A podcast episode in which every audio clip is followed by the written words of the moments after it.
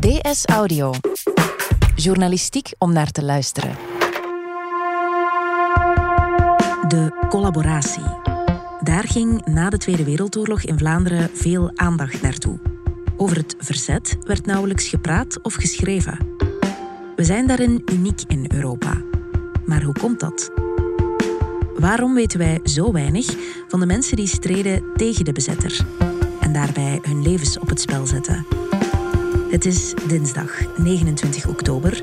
Mijn naam is Nele Eekhout en van op de redactie van De Standaard is dit DS Audio.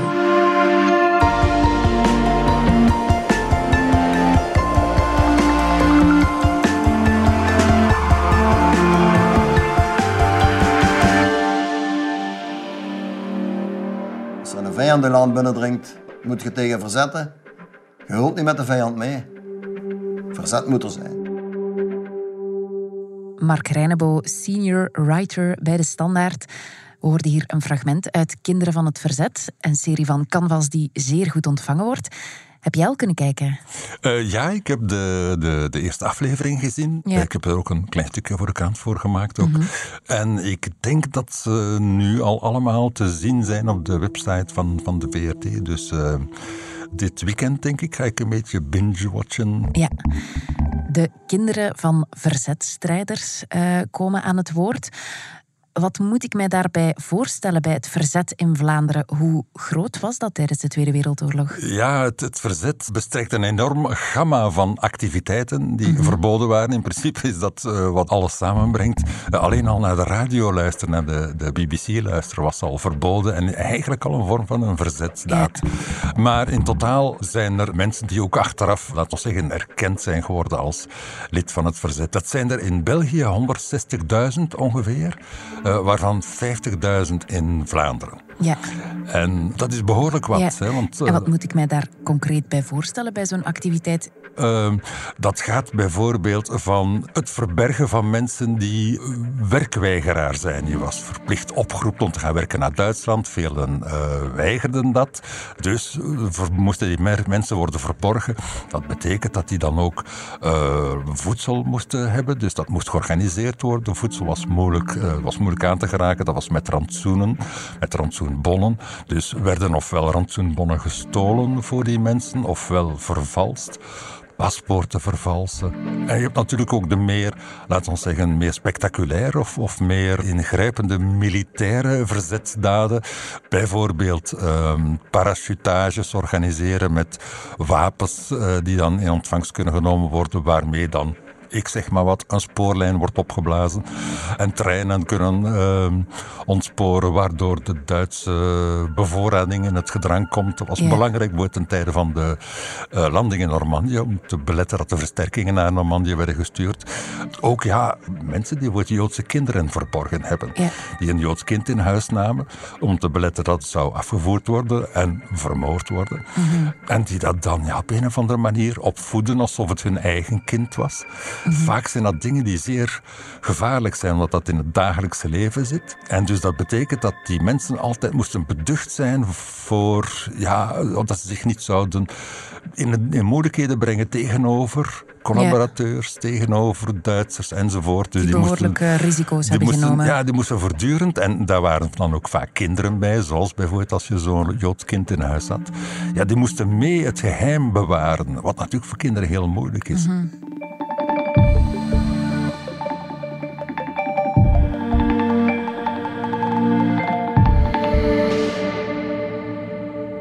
Naar aanleiding van die serie heb jij een artikel geschreven in de krant. En dat begin je met een verhaal uh, van Irma Laplace. Hmm. Nu net geen verzetstrijdster. Nee, Irma Laplace is iemand die uh, verzetslui heeft verklikt aan het einde van de oorlog. Het speelt zich af in uh, Oost-Duinkerken. Irma Laplace is een huismoeder. Uh, die is getrouwd en die hebben twee kinderen. Zijn lid van collaborerende organisaties. Geen groot geboefte of zo, maar mensen die in de uh, collaboratie daar actief zijn. Bij het einde van uh, de oorlog, wanneer men weet de Canadezen zijn op komst, want het zijn de Canadezen die vanuit Frankrijk langs de kust zijn opgetrokken en Oost-Duinkerke zouden bevrijden, is het plaatselijke verzet actief. En de mhm. laatste Duitsers die daar nog ongeveer uh, in, in de buurt zijn, ook een paar collaborateurs, worden opgesloten in de jongensschool van Oost-Duinkerke. Ja. En daar is ook die zoon van Irma Laplace bij, mhm. omdat hij ook tot de collaboratie behoort. Die moeder verneemt dat en die spreekt andere Duitsers aan die nog aanwezig zijn in Oost-Duinkerke. En die besluiten niet zozeer om die zoon te gaan redden, maar om die Duitse soldaten te gaan uh, uit die jongensschool bevrijden. Die trekken daar naartoe. Daar is een, uh, ja, een kort vuurgevecht, maar die Duitsers zijn wel beter bewapend natuurlijk dan dat lokale verzet. En wat er gebeurt is, die kunnen die vrij gemakkelijk die school bezetten. En wat die doen is, die verzetselen die daar aanwezig zijn, die worden gewoon tegen de muur gezet en doodgeschoten. Mm En rond Irma Laplace en dat verraad dat daar gebeurd is, want zij heeft die soldaten gezegd van daar in de jongensschool zitten ze. Mhm. Daar is altijd een grote controverse rond geweest, in de zin dat Irma Laplace is snel gearresteerd geworden bij de bevrijding, want dat is nog diezelfde avond en de volgende dag gebeurd. En dat is dan uh, september 1944. Zij wordt gearresteerd en dat is een vrij duidelijke zaak. Ik bedoel, het is niet gecompliceerd. Zij heeft gewoon iemand uh, aangesproken, Duitsers aangesproken. En zij wordt gearresteerd, ze krijgt een proces en zij wordt ter dood veroordeeld, want dat was toen nog de straf die je kon krijgen. En zij is ook geëxecuteerd geworden als een van de weinige vrouwen die ter dood zijn uh, gebracht. Mhm. En er is altijd een grote discussie geweest achteraf. En, en haar zaak is daarin wat, laten we zeggen, een voorbeeldzaak geworden. Mhm. Over de vraag of de repressie, mhm. of die wel rechtvaardig was. En dat is binnen collaboratie altijd bestreden geworden. Dat dat bedoeld was als een anti-Vlaams uh, manoeuvre, dat dat onrechtvaardig was, dat dat willekeurig was, enzovoort. En uh, Irma Lapas is zo'n typisch voorbeeld gebleven gedurende decennia dat men dat een soort martelares van de Vlaamse zaak uh, heeft voorgesteld. Terwijl die acht verzetstrijders en over die acht verzetstrijders is nooit gesproken. Ja. Dat waren figuranten. Ik heb mij nooit vragen gesteld over die verzetselen en over wat dat allemaal betekende. Ja. Want dat waren dus acht mensen die meteen zijn doodgeschoten, waren allemaal een gezin. Uh, die woonden allemaal in dat dorp. En dan zie je dat zijn dan tientallen mensen die daarbij betrokken zijn. En over wie lot nooit is gesproken. Alle aandacht is naar Irma Laplace gegaan, omdat zij zo'n duidelijk symbool was. En dat vond ik nu een heel treffend voorbeeld van hoe de naoorlogse aandacht daarvoor, mhm. ehm, dat die eigenlijk ja, wat gekaapt is geworden door de collaboratie, door alle aandacht voor zichzelf op te eisen. Stellende, wij zijn slecht behandeld geworden, willekeurig, et cetera, onrechtvaardig. En dat door die eenzijdige aandacht, de aandacht voor de andere kant in dit geval, acht mensen die zomaar zijn doodgeschoten. In een context van, laten we zeggen, vaderlandslievende opdracht dan mhm. nog. Een, daar is nooit over gesproken. Ja, en dat is heel eigen aan onze cultuur. Want vertel dit aan iemand uit Nederland. Die vindt dit heel vreemd, want in onze buurlanden kijken ze heel anders tegen hun verzetzelden aan. Wel, je kan in het algemeen stellen dat behalve in een aantal Oost-Europese landen, uh, Oekraïne bijvoorbeeld, uh, maar dat, dat Vlaanderen in de Europese context een bijzondere, uh, opvallende uitzondering is op de manier waarop met de herinnering aan de oorlog wordt omgegaan. Hoe komt dat? Wij, wij kennen, wij, en dan bedoel ik laten we zeggen, de publieke opinie kent toch een aantal van die namen van uh, figuren uit de collaboratie. Ruud Verschaven, ik zal er maar één noemen, dat mm. is iemand, je hoeft de details niet te kennen.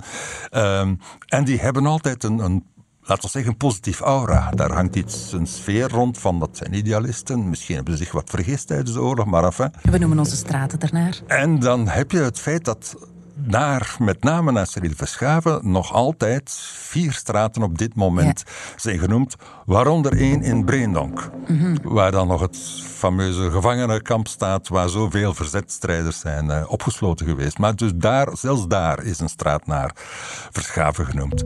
En hoe is het mogelijk dat wij een nazi een uh, haatprediker, want zo kan je hem omschrijven. Ja, hoe leg je dat uit? Ja hoe, ja, hoe leg je dat uit? Wel, omdat men natuurlijk heel die geschiedenis van de collaboratie tijdens de oorlog altijd heeft behandeld in verdoezelende termen. Het werd altijd goed gepraat, want ze waren idealisten, ze hadden het goed voor, het was voor Vlaanderen en dit en dat. Terwijl het ja wel gewoon nazi's waren, zeker deze mm verschaven. En dan zie je dat, je kunnen stellen, oké, eh, de ideeën evolueren, maar een tweetal jaar geleden is in Lanaken heeft eh, de burgemeester daar, Marino Keulen, die nog minister is geweest, mhm. ehm, die heeft daar eh, de naam willen veranderen. Dat was ook een Schaafstraat en die heeft daar de Anne Frankstraat van gemaakt. Je zou kunnen zeggen, ja, de keuze tussen Verschaven en Anne Frank is snel gemaakt, maar nee, dan zie je voor het NVA en Vlaams Belang hebben zich onthouden toen dat in de gemeenteraad ter sprake kwam. Het is toch onvoorstelbaar dat zelfs nu, drie kwart eeuw na de oorlog, dat dit nog altijd zo moeilijk ligt om te erkennen dat een nazi, je moet dat niet huldigen op straat. En het is precies door het feit dat dat zo moeilijk is en dat ja, die mentaliteit bijna is vastgeroest, dat je bijna geen kwaad kan stellen, zeggen over de collaboratie, ook niet in, laten we zeggen, academische zin of wetenschappelijke zin, dat daar iets over schrijven stoot altijd op morele mhm. bezwaren. En dat is bijvoorbeeld, ja, in Nederland zou dat onvoorstelbaar zijn. Hè? En, en daar heeft men wel laten we zeggen, verzetshelden. Men maakt daar films naar. Hè. Soldaat van Oranje is een, is een musical, als ik het goed heb. Uh, die, die zelfs tot in Londen uh, zal worden opgevoerd. Kunnen we zo iemand uit onze uh, geschiedenisplooien opduikelen? Wel, er zijn er zeker zo. En het probleem is een beetje heldenverhalen zijn altijd een beetje romantisch, maar ook vaak nogal overdreven en gelogen. En veel van die mensen zelf zouden zich niet als helden voorstellen. En ik denk dat daarom die, die reeks nu over die kinderen van het verzet, en dat zijn dus doorgaans nogal bejaarde mensen, per mhm. definitie, die over hun ouders spreken, dat gaat vaak over zeer gewone mensen. Niet mensen die Tarzan of Superman gewijs uh, hele bataljons uh, Duitsers in, in de pan zullen hakken. Ja. Maar die ja, veel bescheidener werk hebben gedaan. En dat is nog een bijkomend probleem van het verzet. Het, is, het was per definitie clandestien. Ja. Het stond nooit op de voorpagina van de krant. Het was geheim, het was gevaarlijk. Dus eigenlijk wist niemand het, dat het er was. Je zag soms de gevolgen daarvan natuurlijk. Maar dat is natuurlijk heel slecht gedocumenteerd. Uh, en iedereen had er belang bij om daar geen archieven over bij te houden. Want ja, je weet zo, uh, dan konden de, Duitsers, uh, laten we zeggen, het zo in beslag nemen. En dat gevaar was reëel, want we mogen tenslotte toch niet vergeten dat van die 160.000 verzetsmensen, dat er daar toch een, een, een 40.000 zijn opgepakt en er 15.000 gestorven zijn.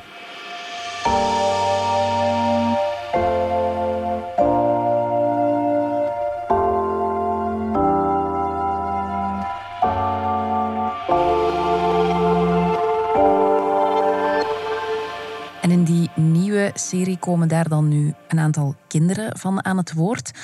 Eerst was er wel de kinderen van de collaboratie. En toen was er heel wat verontwaardiging dat zij het eerste woord kregen. Was dat terecht? Het was vooral verklaarbaar in die zin dat aangezien er altijd veel meer aandacht was gegaan naar de collaboratie en de collaborateurs, dat ook hun kinderen gemakkelijker konden gerepertorieerd worden. En natuurlijk was het veel moeilijker om kinderen van verzetsluid aan het spreken te brengen, omdat die ja, veel meer verspreid waren. En het was dus een grotere opdracht om die bij elkaar te, te, te, krijgen. En ik herinner mij vooral één iemand die. Ehm, ook al in de eerste aflevering aan, aan uh, het woord is gekomen. Rechter Heijmans, die we een paar maanden geleden in de krant al hebben geïnterviewd, precies daarover. En Heijmans heeft, heeft een grote reputatie als assisenvoorzitter, als, mhm. als rechter. En die een, een kind is, het is ingewikkeld, van uh, mensen die deels in de oorlog zijn gestorven als verzetselen. En, en, en zijn, zijn moeder is daar, uh, die ook in het verzet zat. Ja, die is zwaar gefolterd geweest door de Duitsers heeft een heel moeilijk leven gehad. Ik herinner me dat hij in, dat interview dat ik toen met hem heb gemaakt, uh, vertelde hoe uh, ja, er altijd een geur van, van uh, medicijnen in huis hing. Enfin, dat soort dingen allemaal.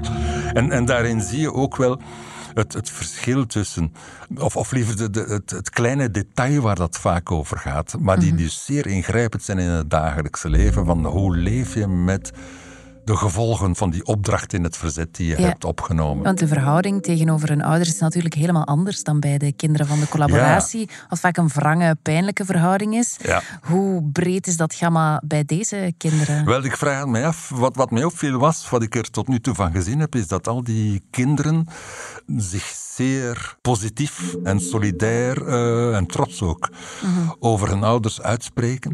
De idee was, kinderen zijn van, van collaborateurs. Ja, die hebben te maken met ouders die zich in der tijd, tijdens de oorlog, uitdrukkelijk hebben verzet tegen de samenleving waarin zij woonden. Vandaar dat zijn gaan collaboreren met de Duitsers. Na de oorlog zijn die ouders gestraft geworden. Maar dan is de vraag van, ja, moeten die kinderen zich daartegen positioneren? Ja, die hebben een soort band met die ouders, maar die ouders zijn gestraft door de samenleving waar zij in opgroeien. Dus je ziet daar voortdurend spanningen.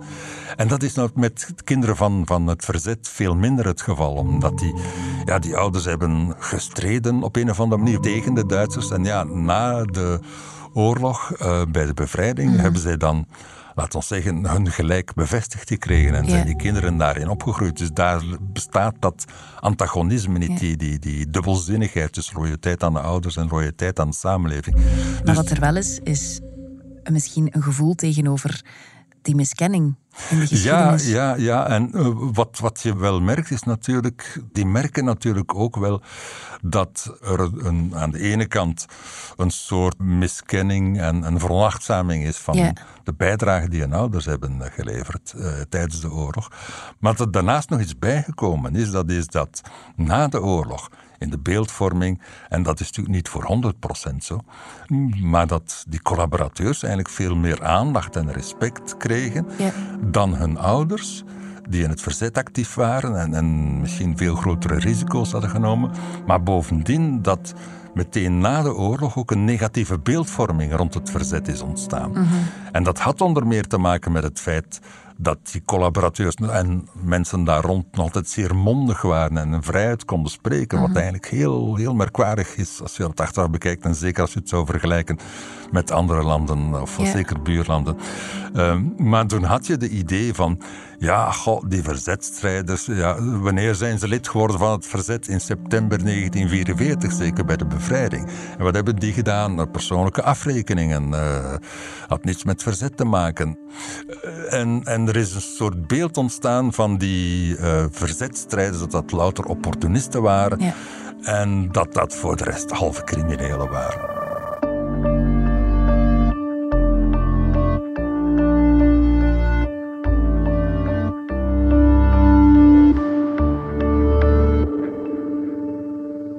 Kan deze serie een waardig eerherstel zijn? Wel, het verlengde van die veronachtzaming is ook dat zelfs de, de laat zeggen, professionele historiografie nooit veel aandacht heeft gehad voor het verzet. Ja. En dat bij wijze van spreken elke eh, genuanceerde, vanuit good faith ondernomen poging om aandacht te hebben voor eh, het verzet, dat dat alleen maar positief kan zijn, omdat dat allemaal extra informatie is die eh, boven kan komen, eh, die tot nu toe ja, blijft sluimeren. En we, het is zo dat ik ook over die affaire in Oost-Duinkerk ben gaan nadenken. En je ziet dan, ja, dat... Daar is inderdaad dan Irma Laplace voor het executiepeloton gekomen. Tragisch natuurlijk, elke doodstraf is tragisch.